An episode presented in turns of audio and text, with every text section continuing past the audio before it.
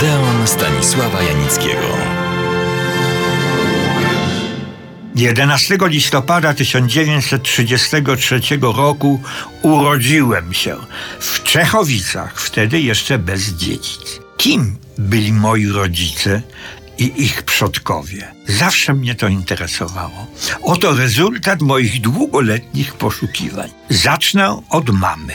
Anna z domu Kolibacz. Mieszkała w Pszczynie. Jej rodzice, Kolibaczowie, mieszkali od dawna na Zaolziu. Dorobili się sporego majątku. Jak tylko w 1918 roku Polska powstała, tak się wtedy mówiło, powrócili do ojczyzny. Zamieszkali w śląskiej Pszczynie. Tu dziadek Kolibacz kupił sporą, jednopiętrową kamienicę w rynku. Zadbana stoi po dziś i mieszkają w niej potomkowie. Dziadkowie Kolibaczowi mieli oczywiście dzieci. Przede wszystkim dwie córki, Annę i Stefanię. Pierwsza mnie urodziła, druga była moją matką chrzestną. A teraz krótko, ale nie wiem, czy mi się uda, o ojcu, Edwardzie Janickim. Janiccy pochodzą z małopolskich Kęt nad Sołą. To było w dawnych czasach miasto fachowców od skóry, szewców, kuśnierzy, garbarzy. Jan Janicki, czyli mój dziadek, był garbarzem i to znakomitym. Zaraz się to okaże. Młodzi czeladnicy, którzy chcieli zostać majstrami, musieli przed egzaminem mistrzowskim odbyć podróż zawodową, by się dowiedzieć, jak inni pracują w wybranym zawodzie. To, że dziadek odbył taką podróż i śpiewająco zdał egzamin mistrzowski, nie muszę przekonywać. Zatrudniony został w Skoczowie, gdzie istniała znana wówczas i ceniona garbarnia szpicera. Niewiele czasu minęło, a mój dziadek, Jan Janicki, był najbardziej cenionym fachowcem, mistrzem nie tylko w tej garbarni. Wybiegnął na chwilę naprzód i powiem, że właściciel garbarni, szpicer, musiał dziadka siłą wysyłać na emeryturę. Udało mu się to dopiero, kiedy dziadek miał 73 lat. Dziadek był na wskroś polonusem.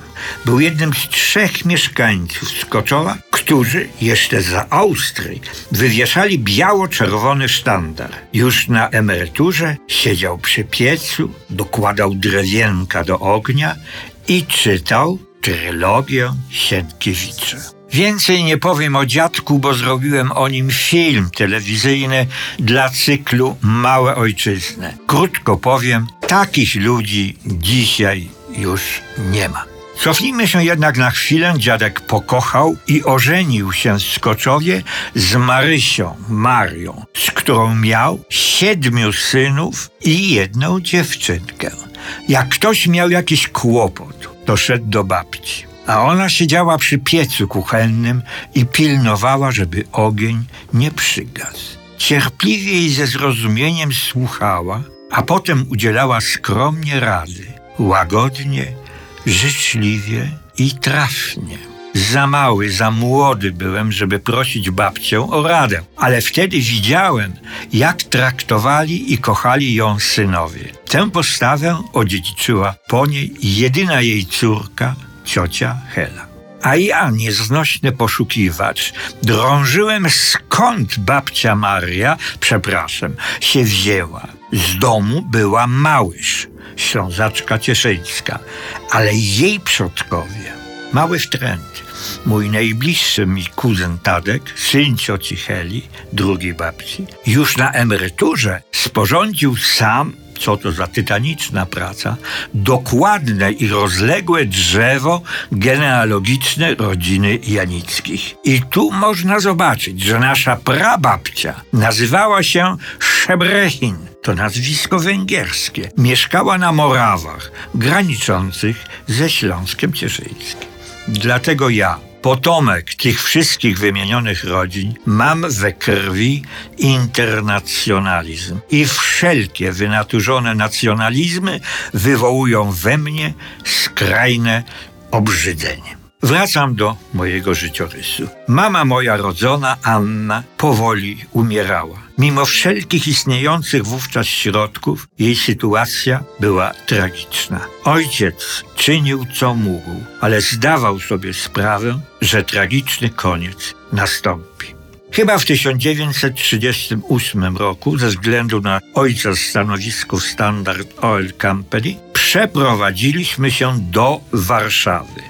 Lata tu spędzone pamiętam już z najmniejszymi szczegółami, choć miałem 5-6 lat. Ojciec wykupił miejsce dla mamy w znanym otwockim sanatorium, specjalizującym się w chorobach gruźliczych. Co więcej, zamieszkaliśmy w wynajętej willi w Otwocku. W czasie studiów pojechałem kiedyś do Otwocka, żeby odnaleźć to miejsce, w którym wtedy mieszkaliśmy. Odnalazłem je na ulicy 11 listopada.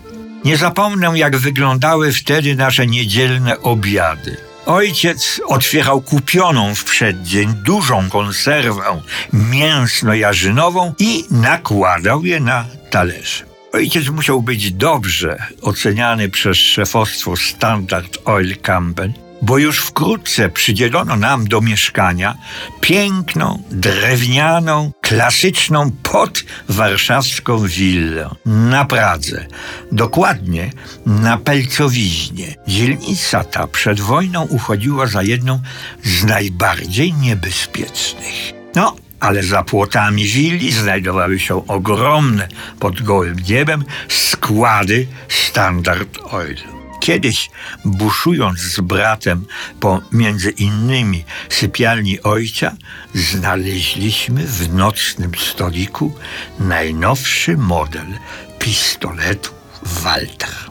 Nasz pobyt i zdarzenia w przedwojennej Warszawie to oddzielny rozdział, o którym jeszcze kiedyś opowiem. Do Odeonu serdecznie Państwa zapraszam.